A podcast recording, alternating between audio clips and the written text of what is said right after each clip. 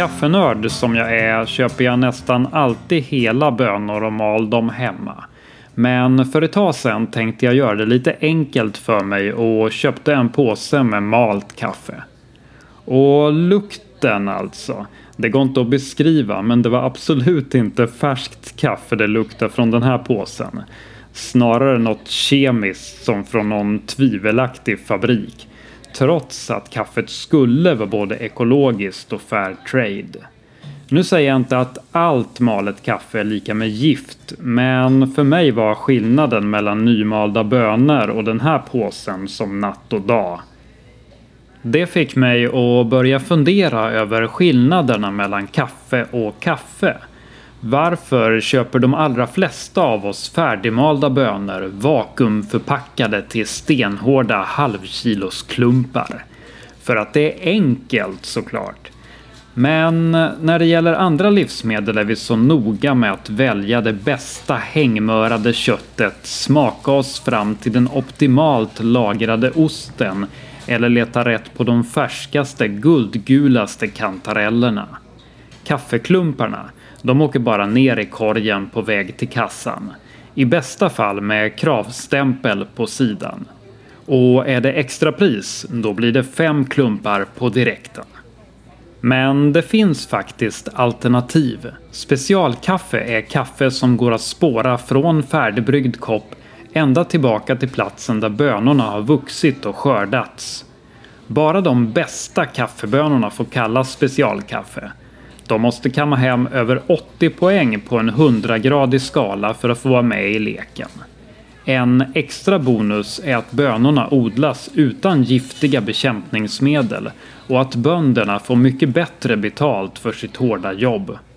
Jag har träffat två specialkaffeentusiaster som driver sina egna mikrorosterier. Daniel Remheden på Love Coffee Roasters i Lund och Filip Åkerblom på Lilla Kafferosteriet i Malmö. Och jag har träffat dem på plats i deras respektive rosterier. Först hör vi Daniel och sen Filip om deras filosofi kring kaffe och kaffedrickande. Vår definition av specialkaffe, det är en ren råvarukvalitet. Det har ingenting att göra med hur vi brygger eller rostar det. Det är en råvarukvalitet. När jag såg att vi drack varumärken, alltså man köper en lila förpackning eller en röd förpackning eller en grön förpackning och inte tänker på vad det är man köper. Eller det kan också vara så sociala trygghetsmärken, att man går och köper fair trade eller ekologiskt. Men man skiter i vad det smakar. Men man vet att ja, men jag har köpt en bra produkt. Men det kanske inte är så gott. Och då häller man mjölk och socker i det för att liksom balansera ut det. Men man känner sig trygg för att jag har köpt någonting som är bra i mitt samvete. Och jag tycker att vi tar den för given. Eh, jag tycker de flesta betraktar det som ett bränsle snarare än en, eh, eh än någonting som faktiskt eh, man kan njuta av. Och eh, alltså, det råder väldigt bristande liksom, medvetenhet om kaffe, vilket också gör att när man pratar om kaffe så pratar folk om kaffe som en smak snarare än som en dryck. Det är en otrolig missuppfattning. Och den saken irriterade mig, att det, för det är ett så stort hantverk. Så jag ville liksom lyfta upp eh, alla som har jobbat med det här, processen bakom. Så jag tror den där okunskapen skapade ett intresse och nyfikenhet. Att vilja missionera om att göra den här produkten, eh, ska man säga, mer eh, intressant och Eh, få folk att engagera sig och välja, göra ett val när man köper kaffe. Liksom. Istället för bara att köpa ett varumärke. Vad förväntar du dig? Vad, är, alltså, vad har du hört om specialkaffe? Eller hur dricker du kaffe? Det är alltid en bra utgångspunkt därför att man ska börja med det som man är van vid. Om, om, om du kommer in till mig och du brukar dricka traditionell italiensk espresso. Ja men drick våran version av det då. För då får du en bra bild av vad specialkaffeversionen av det är. Då har man en ingång där. Där man kan börja prata om en gemensam nämnare och visa på någonting annat än det som de flesta dricker. Vilket är ett industrirostat kaffe eh, producerat som en, eh, ja, eh, så att säga, en råvara som är eh, av lägre kvalitet. Hur får man då folk som inte tänkt så mycket på vilket kaffe de egentligen dricker att bli intresserade av specialkaffe? Daniel börjar och sen hör vi Filip.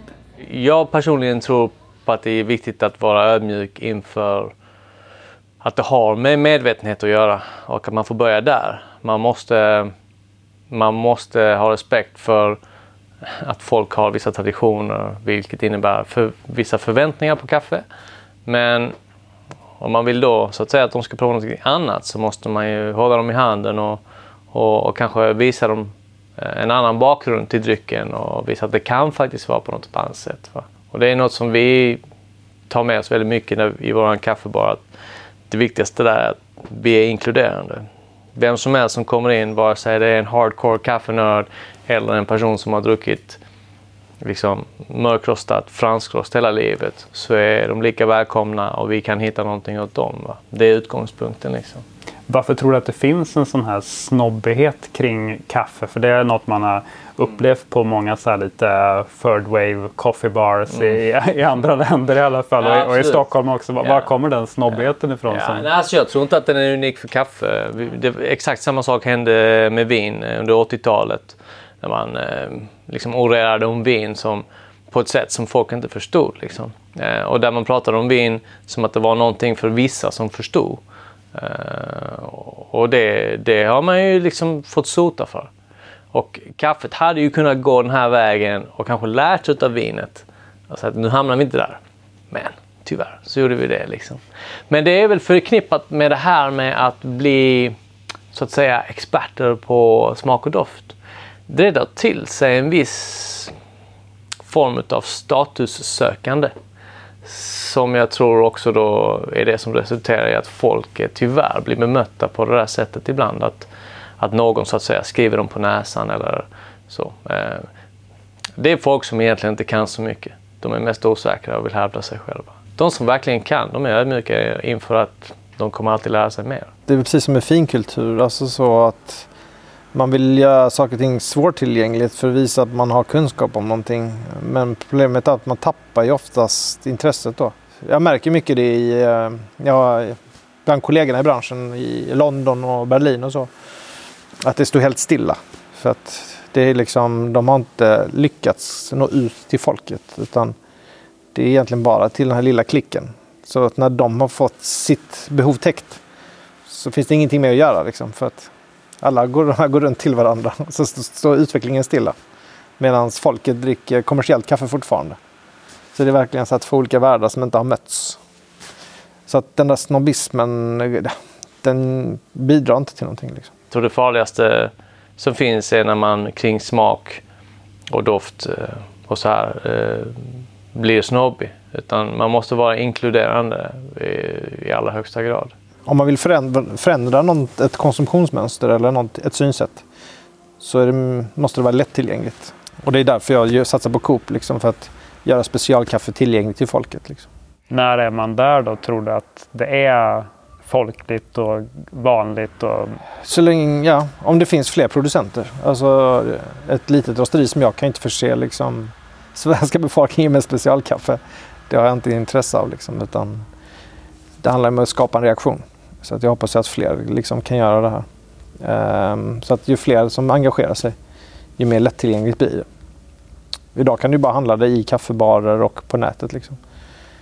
Uh, idag handlar ju många, exempelvis om du ska ha finkaffe till helgen, så går du oftast till din matbutik och handlar kött och fisk och grönsaker.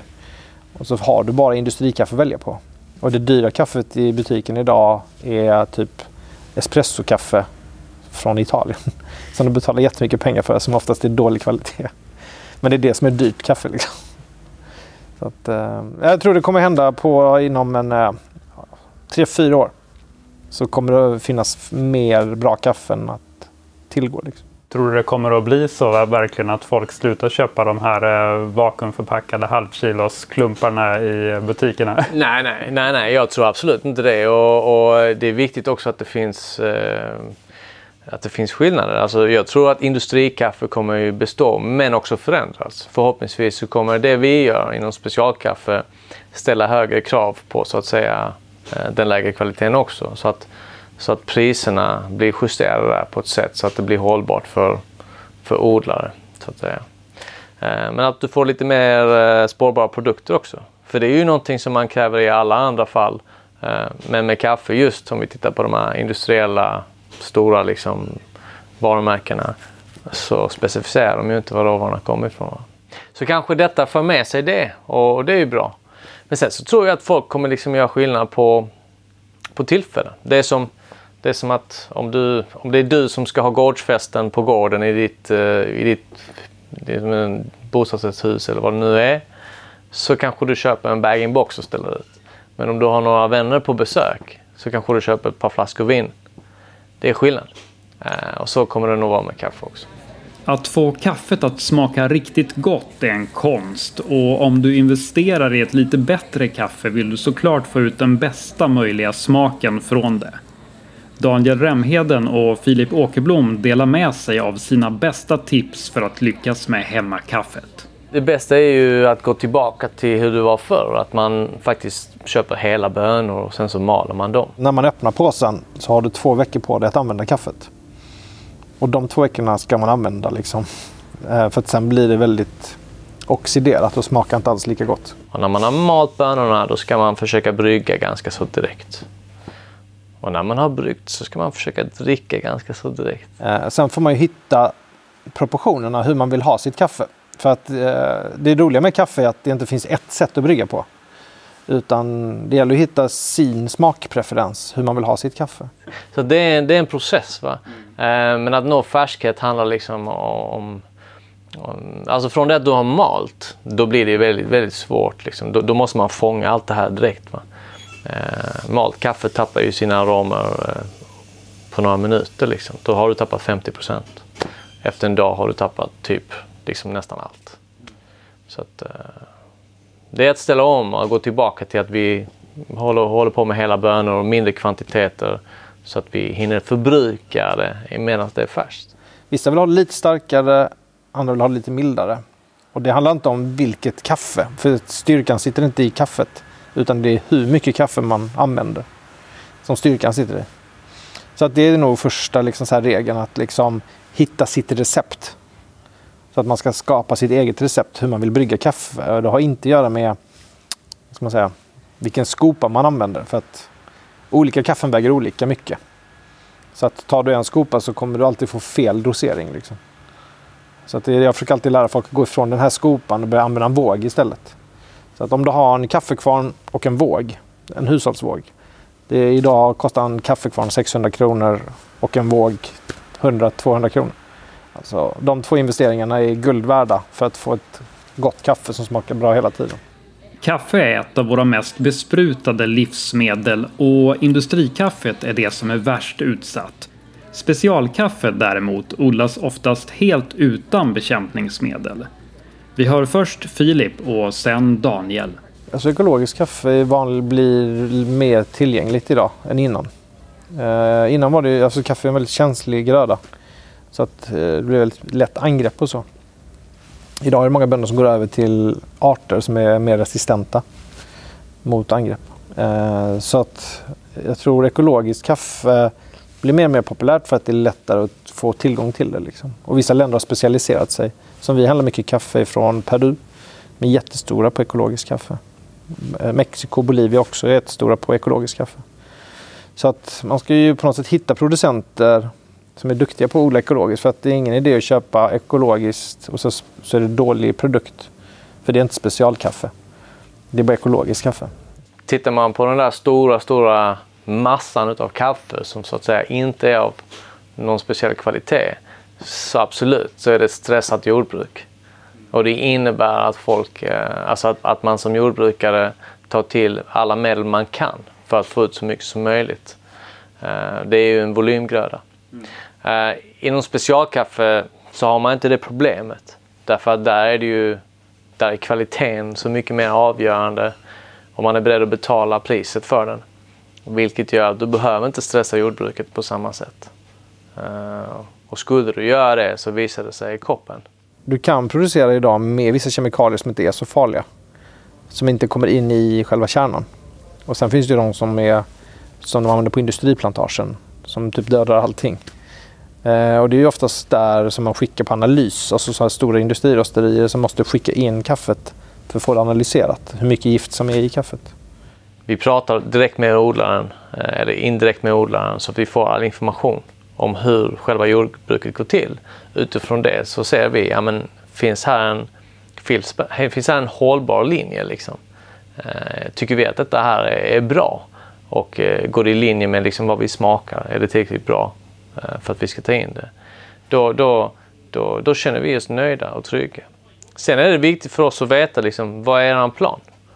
Alltså, har ni något långsiktigt eh, mål mot att gå mot helt och hållet biodynamiskt eller eh, kanske eh, ekologiskt jordbruk?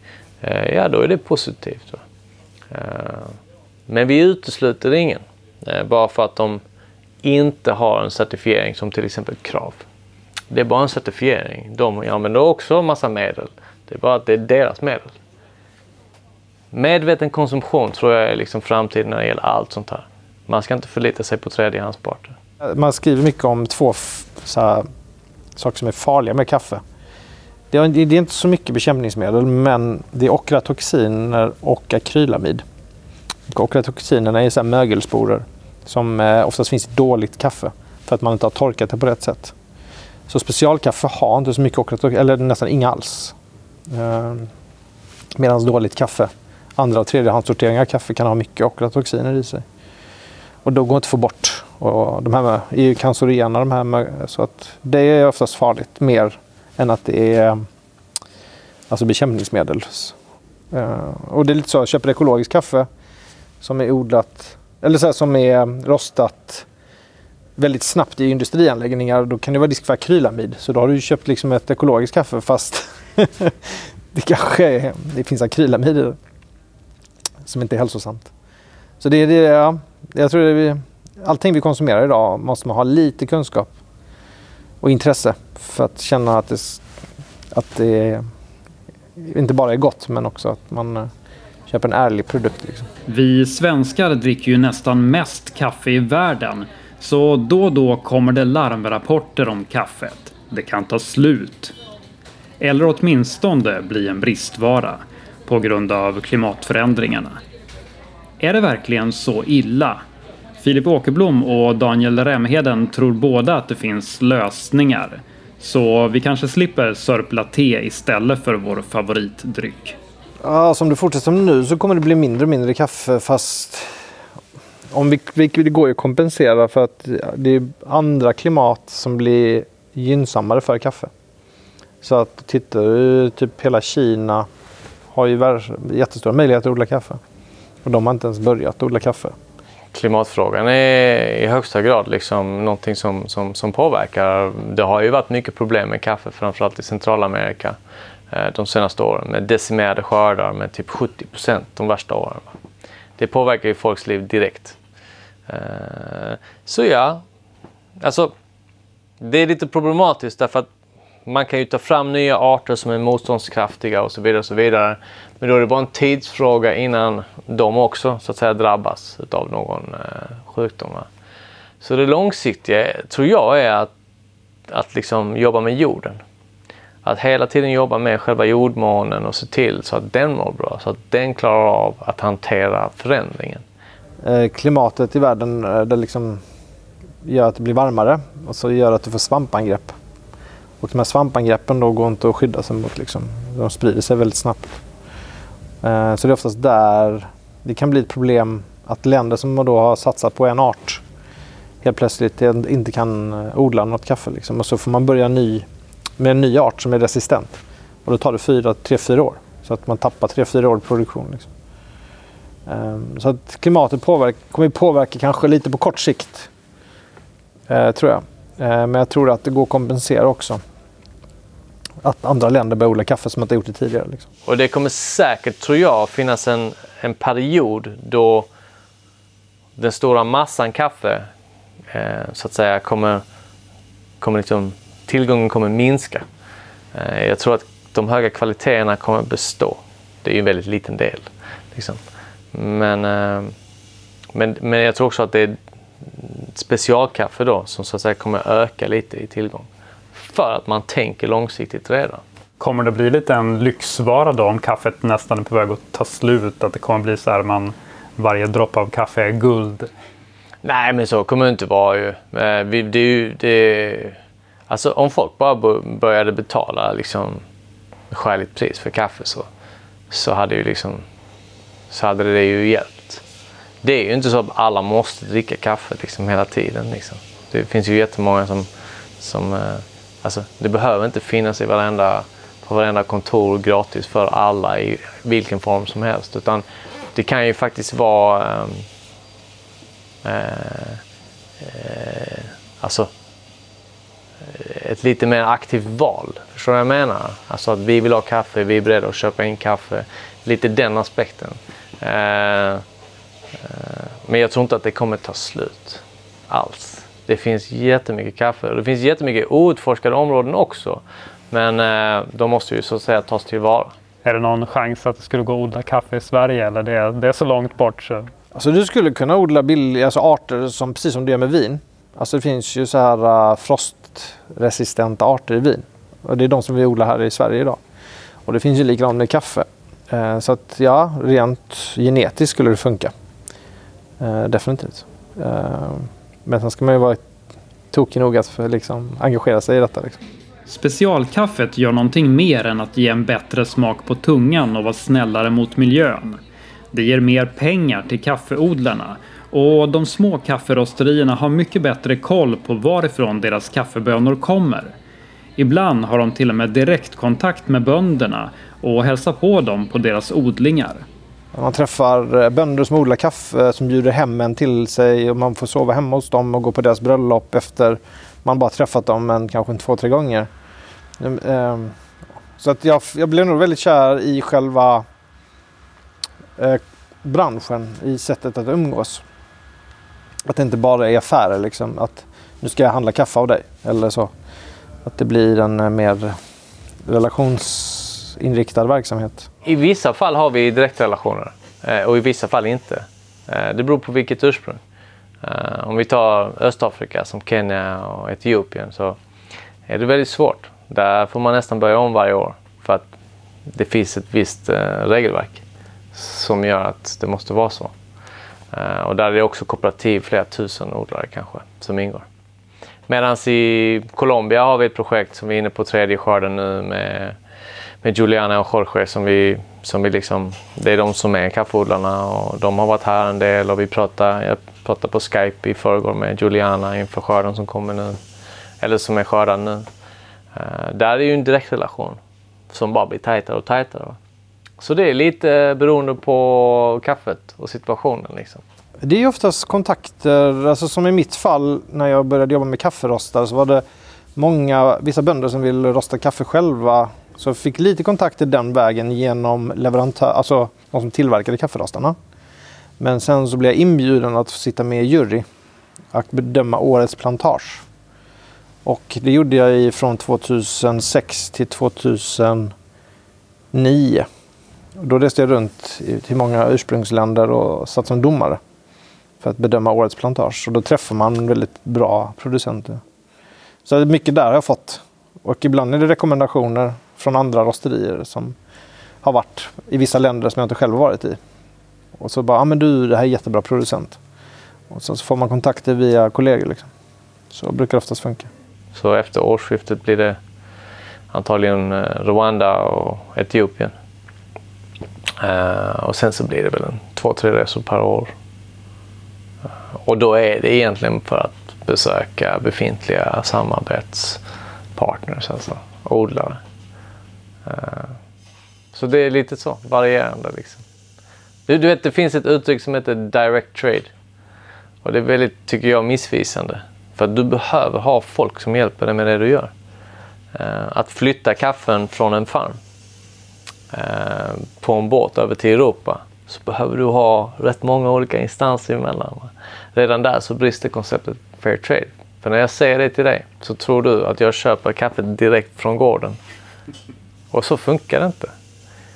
Återigen, alltså. Det måste finnas en större liksom, medvetenhet kring vad det är vi, vi håller på med. Liksom. Och en respekt för att varje land har sina så att säga, utmaningar och man måste anpassa sig för dem. Och sen bara vara öppen med det. Så tror jag att det blir bra. Kaffeautomaten, bryggkannan eller termosen är en självklarhet på varje svensk arbetsplats. Bara automatkaffet omsätter runt 3 miljarder kronor varje år. Och ärligt talat, det mesta av kaffet på jobbet är rätt dåligt. Rävgift är ett ord som hörs allt för ofta i fikarummen.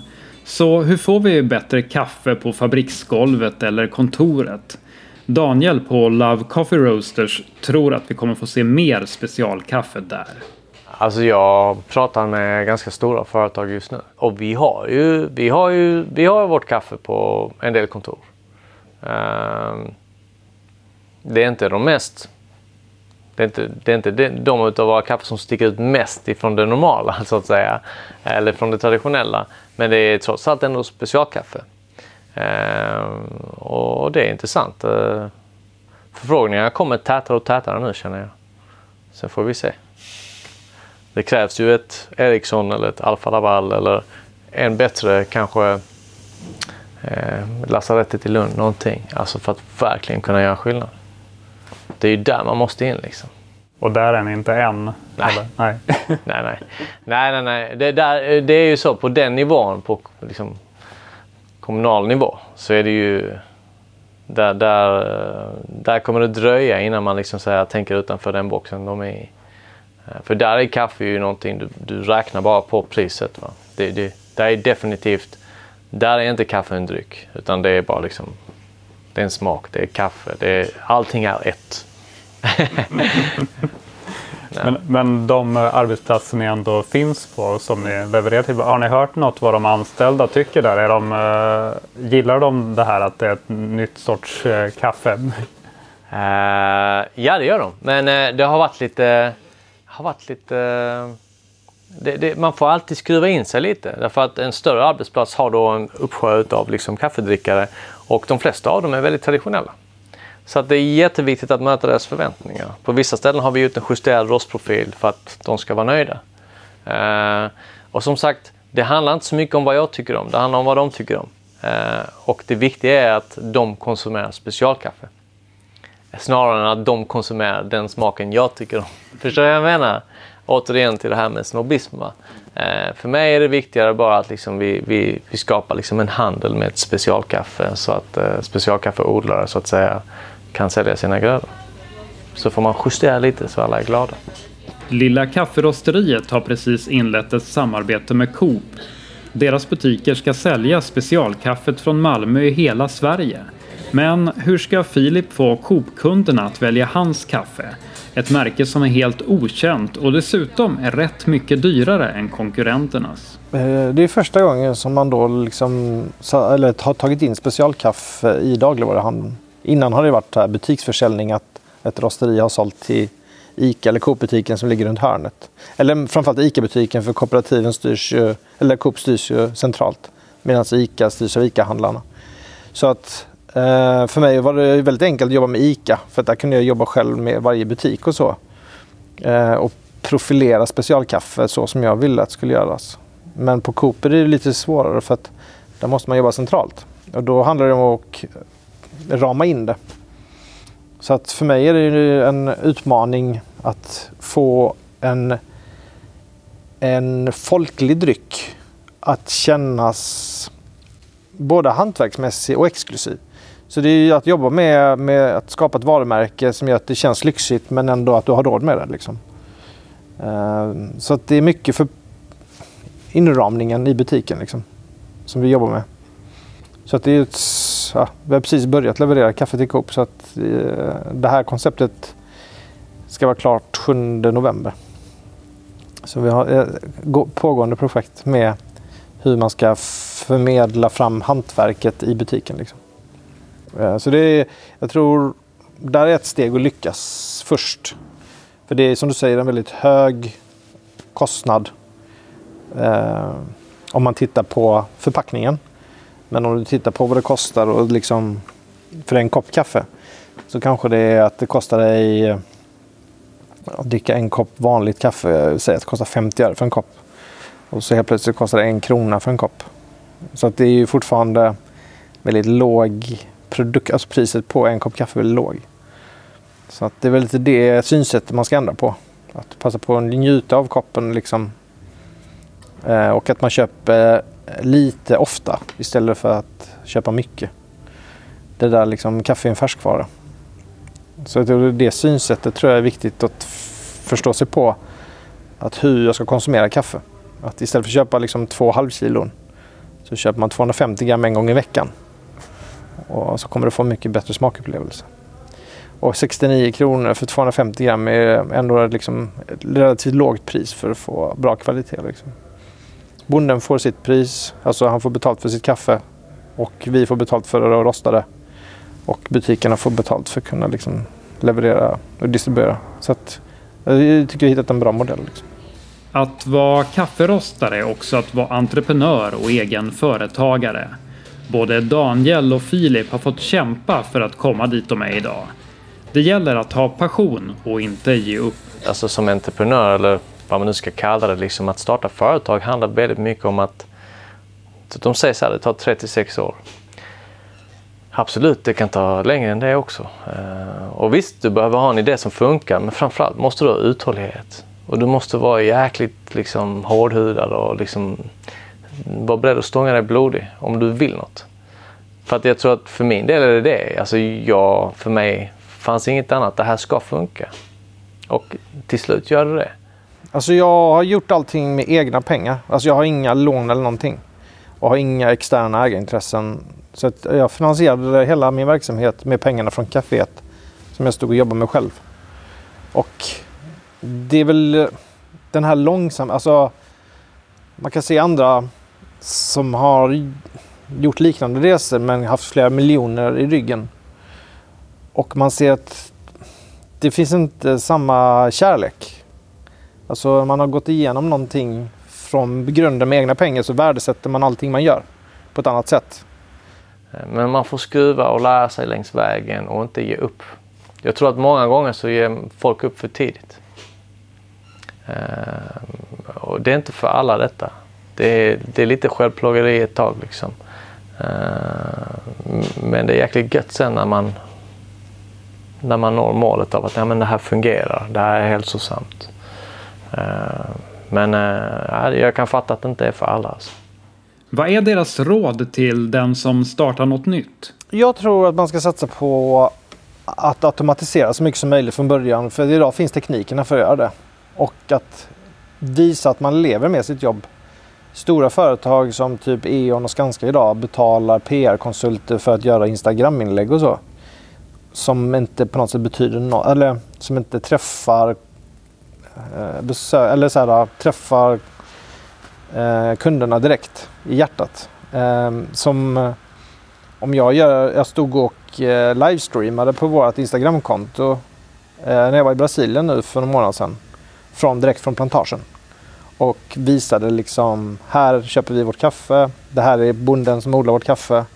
Och han stod och berättade liksom hur mycket de fick betalt. Och, alltså det var helt transparent. Och det där är ingenting som de stora kan göra. Liksom. Eh, så att, att leva med det och visa upp så mycket som möjligt. För att det är det som är intressant. Att, eh, och det kostar ingenting idag. Utan det är bara att använda sin telefon. Liksom. Det jag hade gjort, alltså, i, alltså om jag hade gjort om det, det är att jag hade tagit hjälp eh, av någon som var mer insatt i det affärsmässiga. Hur tar jag min passion och omsätter det rent affärsmässigt?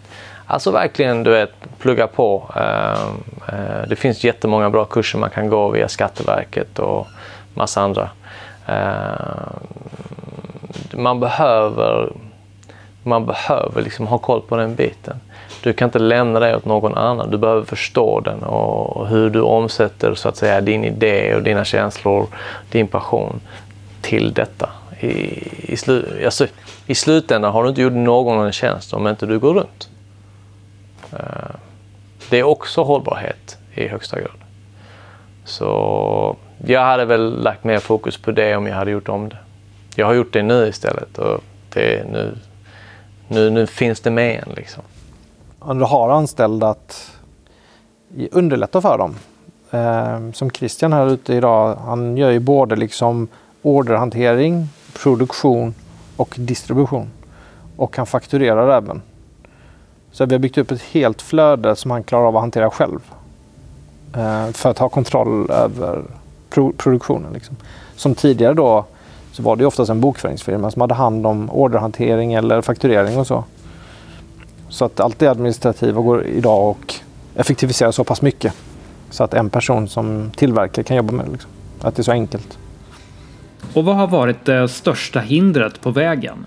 Filip svarar. Hinder är ju nog kunskapen. Alltså sättet och vårt förhållningssätt även idag, vår syn på kaffe. Det är nog det första hindret. att Varför ska jag betala mer för en bättre produkt? Att eh, de här typen av specialkaffen är ju liksom, bönderna får ju kanske fyra, fem gånger mer än om de hade gjort fair trade av det. Liksom. Och att förklara det för konsumenter är väldigt svårt. För att de tittar oftast på pris eh, innan de tittar på vad det smakar. Liksom. Så den, den där kunskapströskeln är nog här, alltid ett, ett hinder eh, som jag grämer mig. Som jag pratar hela tiden med mina kollegor om. Hur ska vi få folk att intressera sig för kaffe? Vi börjar närma oss slutet på vår specialkafferesa. Men innan vi lämnar Daniel och Filip var jag tvungen att ta tempen på deras egna kaffevanor. Vad är till exempel deras favoritbönor? Eh, etiopiska kaffen. På morgonen dricker jag oftast lite lättare kaffen. Och sen så nu på eftermiddagen så dricker jag oftast lite kraftigare kaffen. För att de har ätit så mycket på dagen, liksom både frukost och lunch och kanske tagit någon eftermiddagsfika. Så tungan är väldigt kanske så ja, utmattad. Eller, så att man behöver någonting som får den att vakna till. Liksom. Bästa bryggmetoden? Vanlig filterbryggning funkar jättebra. Absolut. Och eh, jag älskar espresso fortfarande. Det är inte lika trendigt längre men jag tycker espresso är fantastiskt när det är bra. Soltorkade kaffen som har torkat med skalkontakt har ju oftast en kraftigare struktur och karaktär. Liksom. Lång eftersmak. Och den framöver du bättre med att göra det ofiltrerat. Den typen av kaffen skulle jag liksom så presskanna. Eh, när man vill ha de här djupa tonerna. Liksom. Eh, sen om man vill ha lite eleganta toner så behöver du pappersfiltret för att filtrera bort bruset. Bästa stället att dricka kaffe? I rosteriet. Nej men det är nog i dess rätta miljö. Det är likadant som att dricka en kopp kaffe på plantagen. Eller dricka i rosteriet. Um, jag njuter inte av kaffe på samma sätt hemma. Som jag gör att dricka det i en kaffebar eller i ett rosteri eller på ett plantage. I dess rätta miljö. Det är också beroende på tillfälle. Eh, men jag personligen älskar att dricka kaffe i, i kaffebarer. Det är en social grej för mig. Och hur många koppar kaffe om dagen blir det egentligen för en kafferostare? Ja, idag är jag uppe på fyra koppar och snittet i Sverige ligger ju på 3,7. Så att man ligger, ja, jag skulle säga att jag dricker lika mycket som snittet i Sverige. Ja, men jag dricker nog en eh, 10-15 per dag. Och på lördagar dricker jag inget kaffe. Det är kaffefria dagen? Ja. Varför då? Därför alla andra dagar så jobbar jag. Jag dricker inte en kopp utan att analysera. Så på lördagen så struntar jag i det. Sen på söndagen dricker jag min kaffe. Privat. Jag pratar mycket längre än vad som får plats i den här podden med både Daniel och Filip. Så de kommande dagarna kommer vi att släppa nästan helt oklippta intervjuer med dem båda. Prenumerera på The Grit Story så missar du inte när vi nördar in oss i kaffe på djupet. Och missa såklart inte vår webbserie. Där får du se Filip och Daniel och få några glimtar från deras kafferosterier i Malmö och Lund. Den kommer till Youtube och andra kanaler om ett par dagar.